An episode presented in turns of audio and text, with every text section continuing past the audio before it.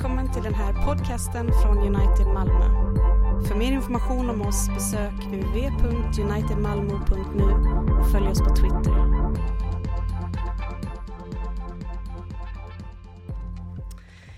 Låt oss förbli stående och så ber vi om nåden att kunna ta emot Kristus som vår konung. Nådens Gud, du som kommer till oss i Jesus Kristus. Vapenlös men starkare än världens makter. Hjälp oss att under detta nya nådens år ta emot dig i våra liv och i vår församling. Låt ditt ord och dina sakrament ge oss ny kraft och glädje. I Jesu namn. Amen. Hör Herrens ord.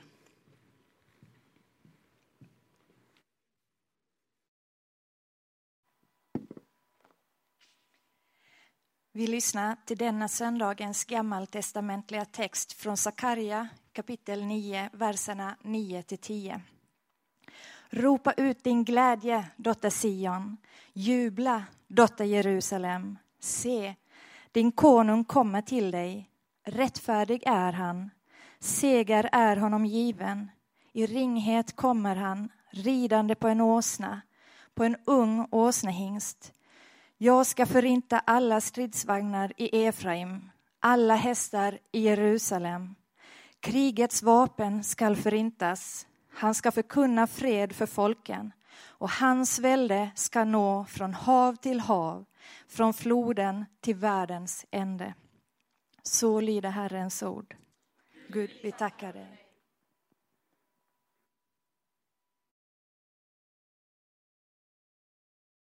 Dagens läsning från Nya Testamentet kommer från Uppenbarelseboken kapitel 3, vers 20-22. Se, jag står vid dörren och bultar. Om någon hör min röst och öppnar dörren skall jag gå in till honom och äta med honom och han med mig. Den som segrar ska jag låta sitta hos mig på min tron liksom jag har segrat och sitter hos min fader på hans tron. Du som har öron, hör vad anden säger till församlingarna. Så lyder Herrens ord. Upplyft era hjärtan till Gud och hör söndagens text ifrån det heliga evangelium från Matteus kapitel 21, vers 1-10. När de närmade sig Jerusalem och kom till Betfage vid Olivberget skickade Jesus iväg två lärjungar och sa till dem Gå bort till byn där framme så hittar ni genast ett åsnesto som står bundet med ett föl bredvid sig. Ta dem och led hit dem. Om någon säger något ska ni svara, Herren behöver dem, men han ska strax skicka tillbaka dem. Detta hände för att det som sagts genom profeten skulle uppfyllas. Säg till dotter Sion, se din konung kommer till dig, ödmjuk och ridande på en åsna och på ett föl, ett lastdjursföl. Lärjungarna gick bort och gjorde så som Jesus hade sagt åt dem. De hämtade åsnan och fölet och la sina mantlar på dem och han satt upp. Många i folkmassan bredde ut sina mantlar på vägen, andra skar kvistar från träden och strödde dem på vägen. Och folket, både de som gick före och de som följde efter, ropade Hosianna, Davids son, välsignade han som kommer i Herrens namn, Hosianna i höjden. När han drog in i Jerusalem blev det stor uppståndelse i hela staden och man frågade, vem är han? Så lyder det heliga evangeliet. Lovad vare du, Kristus. Varsågod och sitt. Vem är han? Ja, så eh, slutar evangelietexten idag. Om du kommer ihåg salmen som vi läste och bad i början, så var det precis samma fråga där. Vem är ärans konung? Idag är det första söndagen på ett nytt kyrkoår. Kyrkans nyår är första advent. Det är då vi börjar vandringen tillsammans med Jesus. Och vi samlas varje söndag runt denna enda fråga. Vem är han? Vem är Jesus? Inte bara för att finna någon form av personprofil utan för att också lära känna honom. Och den här personen, Jesus vars namn aldrig verkar blekna. Han som inte verkar försvinna oavsett vad som händer. Han som verkar hänga kvar i historien. Han som inte varken upplysning eller vetenskap rår på. Han som förblir även om regimer skiftar och går. Kommunism eller eh, sekularism eller ateism. Har han någonting att säga mig? Har han ett ärende som gäller mig? Vem är han? En sån stor fråga. Det räcker inte med en söndag att besvara. Därför samlas vi varje söndag. Och speciellt det här året som kommer så gör vi en riktigt Jesusår. 52 söndagar det kommande året kommer vi till att samlas runt just Jesus. Ett helt år tillsammans med Jesus och nog för att vi brukar samlas runt omkring Jesus men väldigt konkret det här året så följer vi Jesus och djupdyker i att besvara denna fråga söndag efter söndag.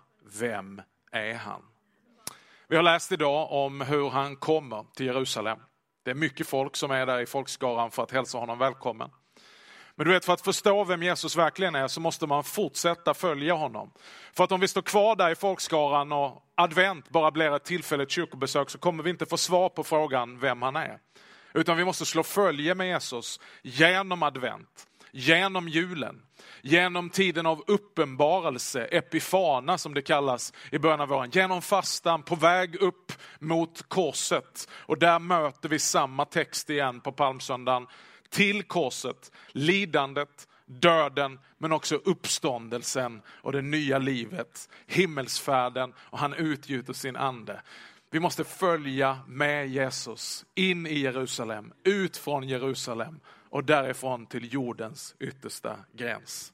Välkommen att ta ett beslut denna första kyrkodag, denna första söndag i det nya kyrkoåret och säga, jag vill ta på allvar denna fråga. Jesus, vem är du? Söndag efter söndag ska vi fördjupa oss i detta. Idag firar vi advent. Och advent betyder ankomst. Eh, och det belyser lite grann tre olika perspektiv på Jesu ankomst. Det första är ett dåtidperspektiv, det andra är ett framtidsperspektiv och det tredje är nutidsperspektiv. Det kan inte bli mycket mer heltäckande än så. Men så här är det också med vår tro, att vår tro vilar på fundament som både har att göra med vad som har hänt och vad som ska ske, men också vad som sker här och nu, presens. Vi firar i advent att Jesus har kommit. Vi eh, går också in i advent med en förväntan att han ska komma. Men vi firar också gudstjänst med den fullständiga övertygelsen att han kommer här och nu. Mitt ibland oss, till oss var och en, rakt in i våra liv. Utifrån de här tre perspektiven, så om jag får låna ditt öra en liten stund, så ska jag tala utifrån texten som vi har läst idag. Det första perspektivet, som på ett sätt har med dåtid att göra, är löftet. Vår text börjar, detta hände, har du Bibeln, stryk under, det är någonting som har hänt. För att det som sagts, någonting som har sagts, genom profeten skulle uppfyllas. Säg till dotter Sion, se din konung kommer till dig, ödmjuk och ridande på en åsna. Du hörde Heidi läsa den gammaltestamentliga texten och nu knyts den ihop. När lärjungarna går och uträttar några ärenden vi ska titta på sen och Jesus gör sig färdig att rida in i Jerusalem. Detta är ett löfte som nu går i uppfyllelse. Och vi måste förstå att den kristna tron bygger på sina löften. Låt oss tala om löften lite allmänt till att börja med. Löften ges ju, i alla fall ursprungligen, för att man ska hålla dem och uppfylla dem. Problemet är att vi lever i en tid som präglas mer av löftesbrott än av löftesuppfyllelse. Och det har gjort att du och jag blir lite cyniska i rent självförsvar och självbevarelsedrift så vågar vi inte riktigt lita på alla löften som ges av varken politiker eller kanske din äkta hälft eller dina föräldrar eller pastorn, kyrkan och kanske inte ens Gud. För du är så präglad, hela ditt liv har du varit med om löften som det inte blev någonting av. Människor som du tänker att ja, men en sån människa borde ju hålla sina löften. Om man lovar någonting då borde man ju hålla det och jag håller med dig, det är sant. Men du och jag behöver inte tänka på någon politiker. Du och jag behöver inte tänka på någon pastor. Ja, du och jag behöver inte ens tänka på Gud. Utan du och jag räcker att vi går till oss själva. Så inser vi att det inte bara är att andra bryter löften mot oss, vi bryter våra egna löften mot oss själva. En av de människor som har misshandlat dig mest är faktiskt du själv. Du håller inte ens vad du själv lovar dig. Kanske den här helgen, kanske du sitter just nu och säger, jag fattar inte varför jag gör som jag gör. Jag har ju lovat mig själv. Jag ska inte gå dit, jag ska inte göra det. Detta är tillvaron som människa. Vi och många med oss klarar inte riktigt att hålla vad vi lovar. Och Det gör också att vi har ett jobbigt förhållande till just löften. Vi vågar inte ge löften. Vi vågar inte lyssna på löften för vi är så sårade av alla brutna löften. Bibelns undervisning är att vi har brutit vårt löfte gentemot Gud. Genom att vi inte vi har hållit hans bud. Vi har inte hållit vår del av avtalet. Så då kan man ställa sig frågan, varför skulle jag lita på att Gud ska hålla sina löften till mig? Jag är ju en löftesbrytare. Mänskligheten i stort, det behöver vi inte titta så länge. Vi har brutit mot det Gud sa, detta ska ni göra och då ska ni få leva. Detta ska ni göra och då ska jag ge er detta. Varför skulle Gud hålla ett löfte mot mig? Jag som är en löftesbrytare.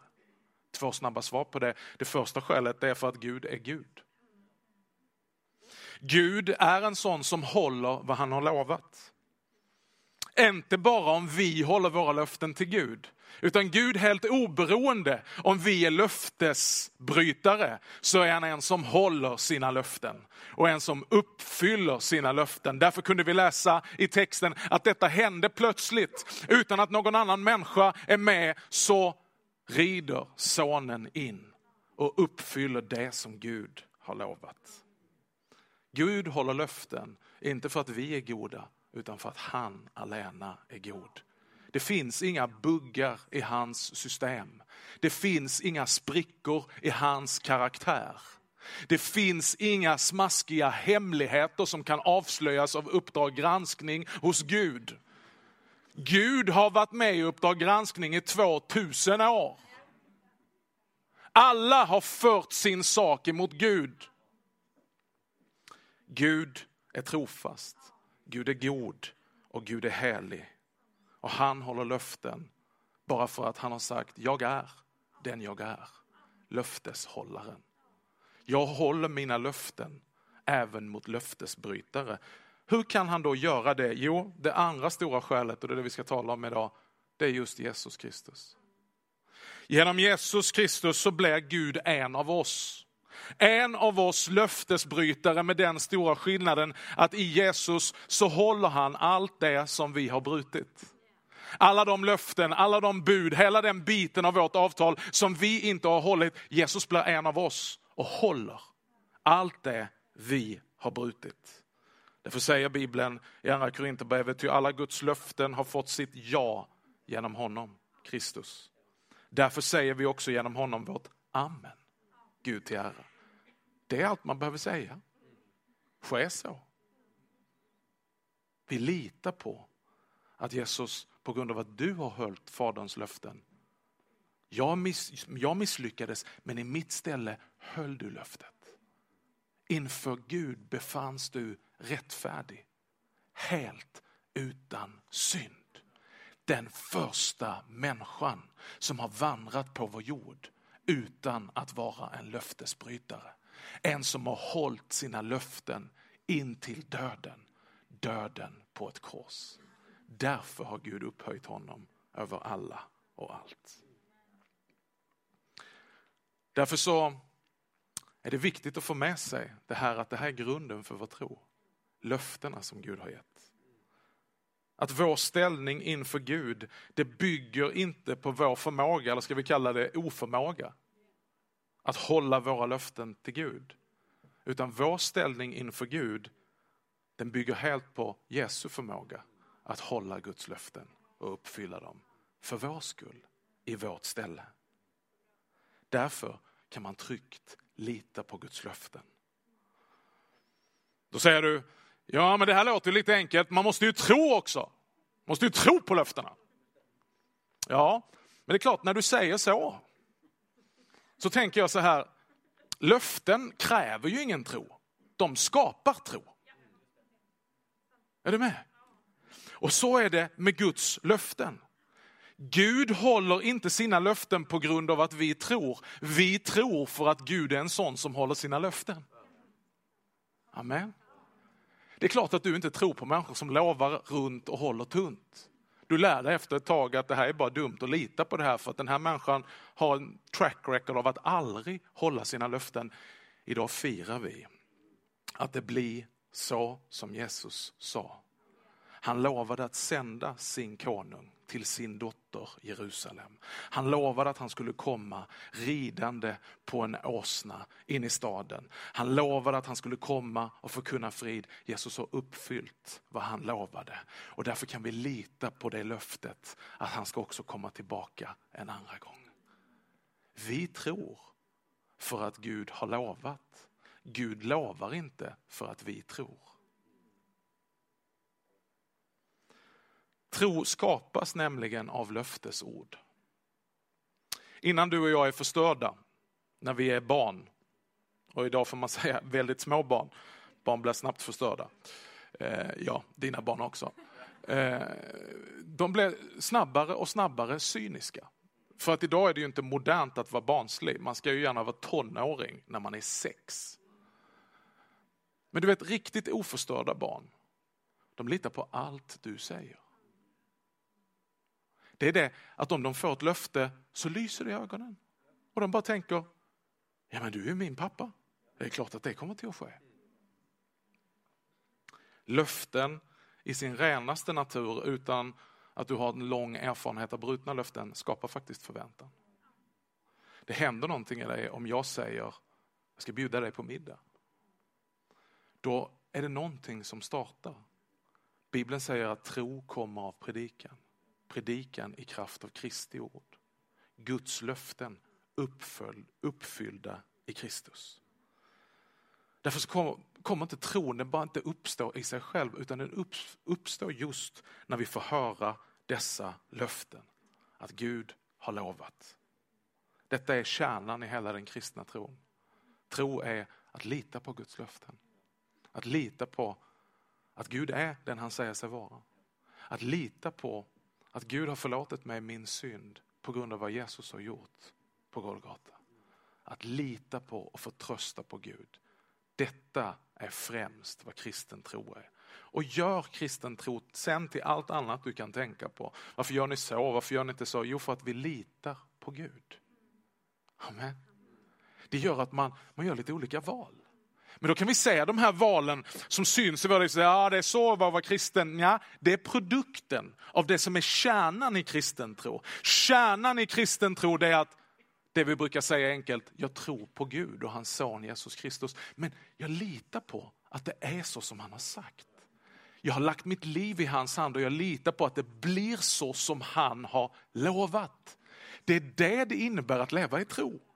För att om allt hade redan varit så som han hade sagt, då behöver man inte tro. Jag behöver inte säga så här, jag tror att Patrik är här. Det är helt uppenbart att Patrik är här, han sitter ju där.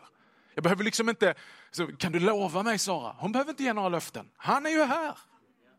Men att leva i tro handlar just om det att vi har ännu inte sett det vi tror, men vi tror för att Gud har lovat det. Och vi vet att det är tryggt att tro för att det är just Gud som har lovat det. Och han är en sån som uppfyller sina löften. Guds folk i gamla testamentet hade väntat hundratals, ja tusentals år på detta löfte. Detta löfte kommer redan tidigt i tredje kapitlet i Bibeln. Att jag ska sända en son. Kvinnans säd ska söndertrampa ormens huvud. Man kan säga att det hinner gå några generationer. Hur bevarar de tron? Jo, de gör det vi gör just nu. Man samlas till gudstjänst. Och gång på gång så läser man upp de här löftena. Vi har läst dem redan idag från Sakarja 9. Så när man sitter där, det är mörkt. Man är i exil. Man är under ockupation. Man ser inte någonting av en frälsare. Men redan där så säger man, ropa ut din glädje dotter Sion. Hallå, Alltså, man har lite adventsfirande. För man väntar en ankomst. Det är vad advent betyder. Ankomst som vi väntar på och som vi firar redan i förväg. Därför säger han, ropa ut din glädje, jubla dotter Jerusalem, se din konung kommer till dig. Ja men han har inte kommit, är det verkligen rätt att jubla redan? Ja, jag tror att du gör det ganska ofta. Jag hör människor säga redan på onsdagen, snart är det fredag. Om en vecka är det löning. Det är jättemånga som jublar redan nu. 23 dagar kvar till julafton. Nej, det är ju mer faktiskt. Det är jättemycket som vi jublar för att vi vet att löftet stämmer. Det är inte så här, så, nej, jag vet inte om det blir någon julafton. Jag vet inte om jag har varit snäll. Ja, det är ju det underbara, det blir julafton ändå. För skulle julafton bygga på att vi hade varit snälla så hade vi ju aldrig vetat vad det var för någonting. Det konceptet hade varit fullständigt borta.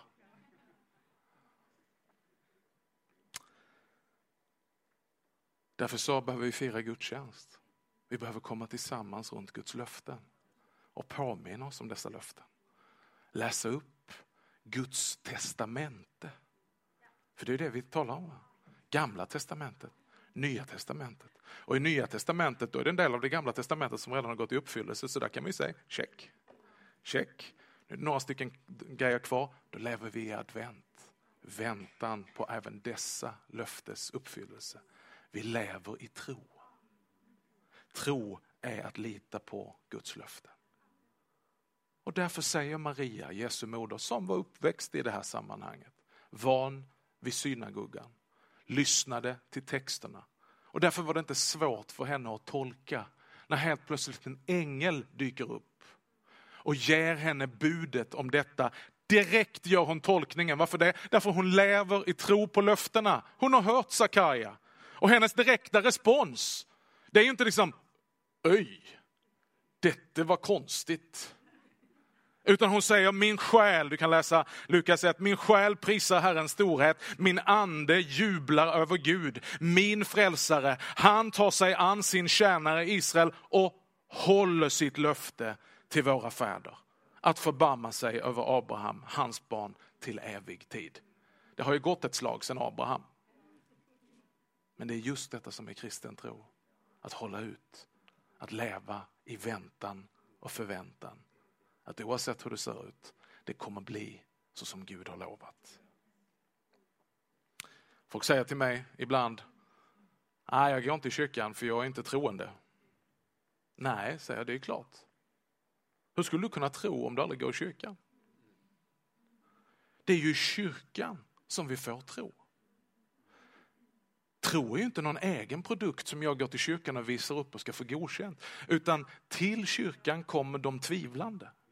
Till kyrkan kommer jag som pastor, du som svetsare, läkare, revisor eller hemmamamma eller hemmapappa. Och vi kommer, vi har en sak gemensamt. Vi behöver tro. Hur får man tro? Genom att samlas runt Guds löften. Det är det enda vi gör här. Vi sjunger om Guds löften. Vi bekänner Guds löften. Vi predikar Guds löften och vi tar emot fysiskt Guds löften som är knutna till bröd och vin i nattvarden. Första steget är löfte. Låt mig snabbt avsluta med de andra två bitarna. Det andra är väntan. Har du märkt det att det är lite tid ibland mellan löftet och löftets uppfyllande? Alla som, alla som har bett mig ringa tillbaka någon gång vet precis vad jag talar om. Men du skulle ju ringa mig. Ja, ja. Du finns fortfarande, jag finns fortfarande. Hav tro broder. Det bara dröjer innan Magnus uppfyller sina löften. Just på området telefonuppringning, jag vet inte, jag har något konstigt förhållande till telefon. Jag tycker det är så jobbigt att ringa. Eh, men, eh, eh, ja. Väntan. Vi kan säga att folket levde i väntan. När Jesus kommer in i Jerusalem så är de där. De är redo, de är väntande. De lägger ner sina mantlar, de har hunnit ta med sig palmkvistar och de säger Hosianna, Davids son, välsignad är han som kommer i Herrens namn. Hosianna, risken är att man bara har varit på ett antal Lucia-tåg eller några liksom allmänt så här traditionella tillställningar och man tycker att det där är någon sån här julterm som är lite halvreligiös. Men Hosanna, Hosianna är en böneterm som betyder just det här, kom och hjälp oss, vi väntar på dig. Det är precis det det är uttryck för. Kom och fräls oss, kom och grip in, kom till vår undsättning, vi väntar på dig. Och därför är det den adventstexten som jag har sagt Advent betyder ankomst, att vänta någons ankomst. När jag tänker på ankomst så tänker jag direkt på en ankomsthall.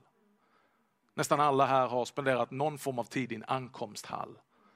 Har du varit i SJs ankomsthall så har du varit där länge. Inte sällan är jag på Kastrup och ska hämta vänner eller att det är folk som är där för att hämta mig. De står i ankomsthallen men de har liksom inte bara stuckit dit och slått sig ner och tänkt att det kanske kommer någon. Vem vet? Tänk om Magnus dyker upp här. Utan varje gång jag har ställt mig i Kastrups ankomsthall så är det på grunden av ett löfte. Väntan kan ju bli länge, men jag vet, han kommer.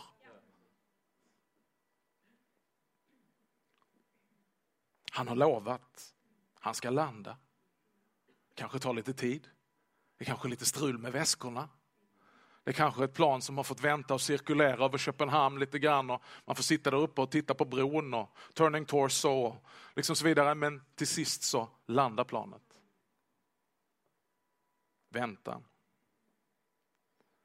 Och nu ska jag säga någonting som kommer att dra ner applåder. Precis det här du kom till kyrkan för att höra. Hela det kristna livet handlar om väntan.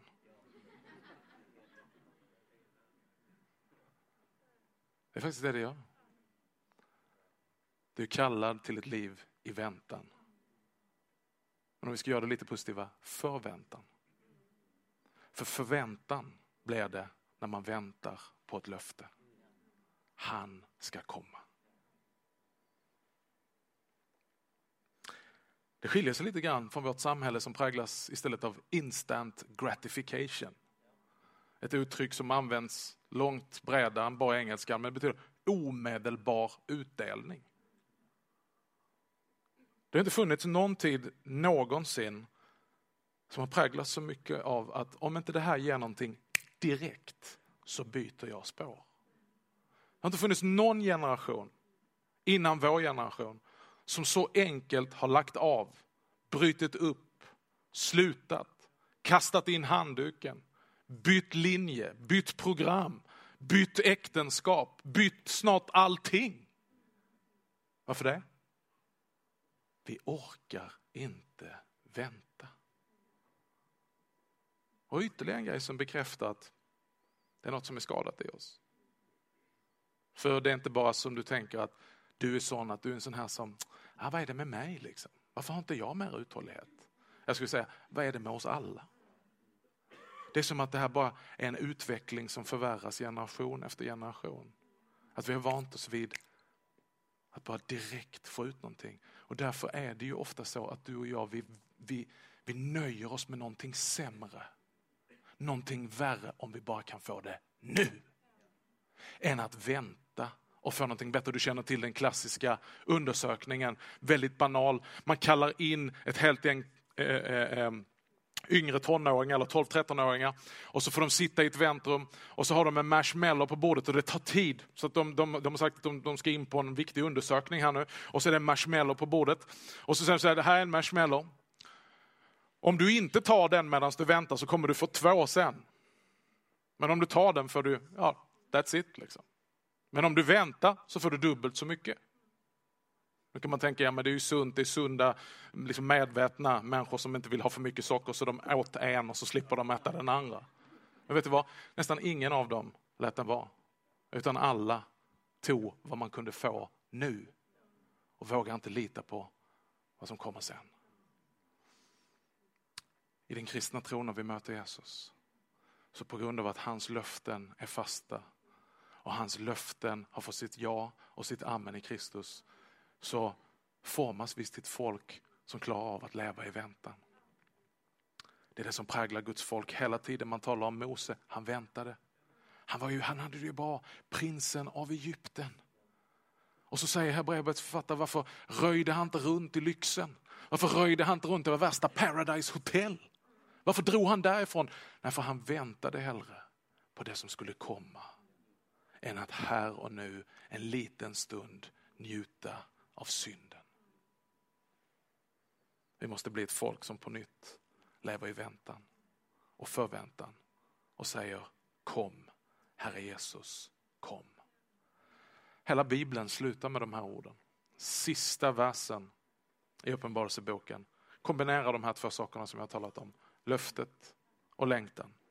Först har du Jesu egna ord, han säger ja, jag kommer snart. Och sen så säger vi Amen, kom Herre Jesus. Här har du egentligen det kristna livet. Jesu eget löfte, jag kommer snart. Vi vet inte exakt när det är, men Herre, vi lever i väntan och vi säger kom. Låt mig sluta med det tredje perspektivet, förberedelse. Alla som är seriösa med att man väntar på någonting, de gör sig redo.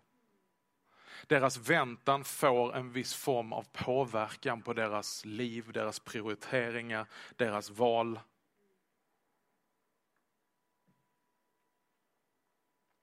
Du kan tänka på en mängd olika praktiska saker. Tiden har gått ifrån mig så jag hinner inte ta mina briljanta liknelser. Men du har fått ett löfte och du väntar på detta löfte. Det finns tid att vänta. Så gör du dig redo. Så att när löftet uppfylls så är du där. Jag hämtar dig till kyrkan idag. Jag lovar det. Vi ses nedanför dig tio över tio. Så irriterande det är när man står där tio över tio och man har hållit sitt löfte. Och där igen, löftesbrytare. Det är ingen som är redo. Det händer ju lite till mans eftersom du och jag, vi är löftesbrytare. Men vet du vad?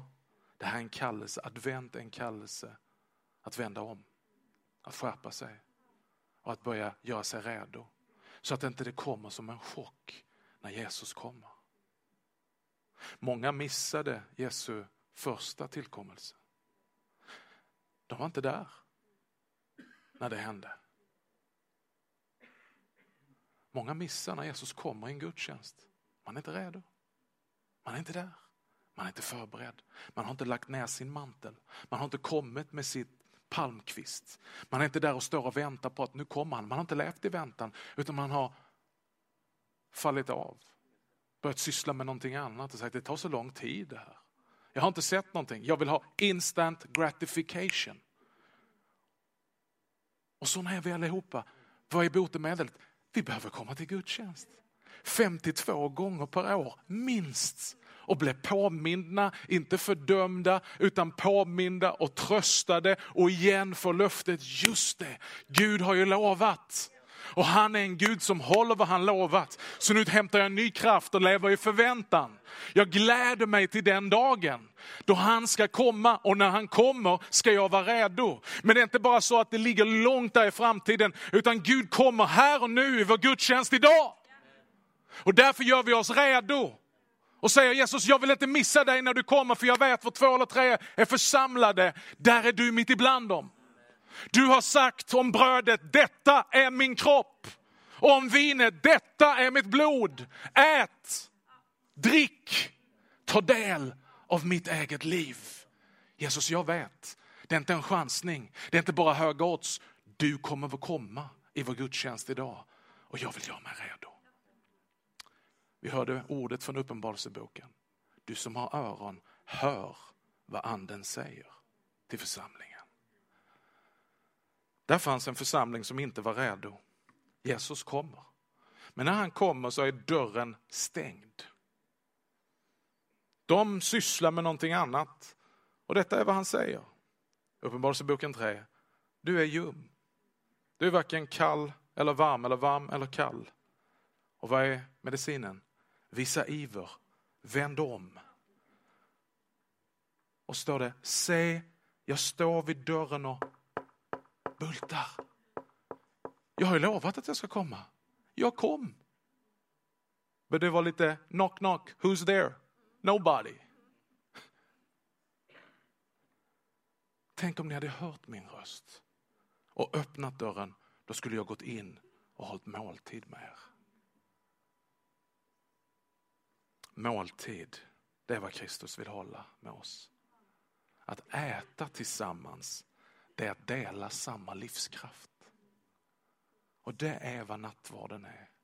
Nattvarden säger vi på ett mer teologiskt sätt är nådemedel, men om vi skulle säga det på ett riktigt mänskligt sätt så är det livsmedel. Det är livsmedel för vår tro. Jesus är här idag. Och han säger, gör dig redo. Lägg ner era mantlar på vägen. Ta, behöver inte ta någon palmkvist med dig, utan låt det synas. Jesus, jag är här. Jag är redo. Kom, Herre Jesus, kom. Dörren är på vid gavel. Jag behöver dig. Det är så mycket ofrid i världen. Det är så mycket oro i mitt eget hjärta. Kom, Herre Jesus, kom. Det är ingen politiker som får rätt på någonting. Och det ska vi inte lasta dem för. Utan vi måste titta högre och säga fridsfurste, kom. Herre Jesus, fridsfurste, väldige Gud, evige Fader, kom. Kom och börja med mig.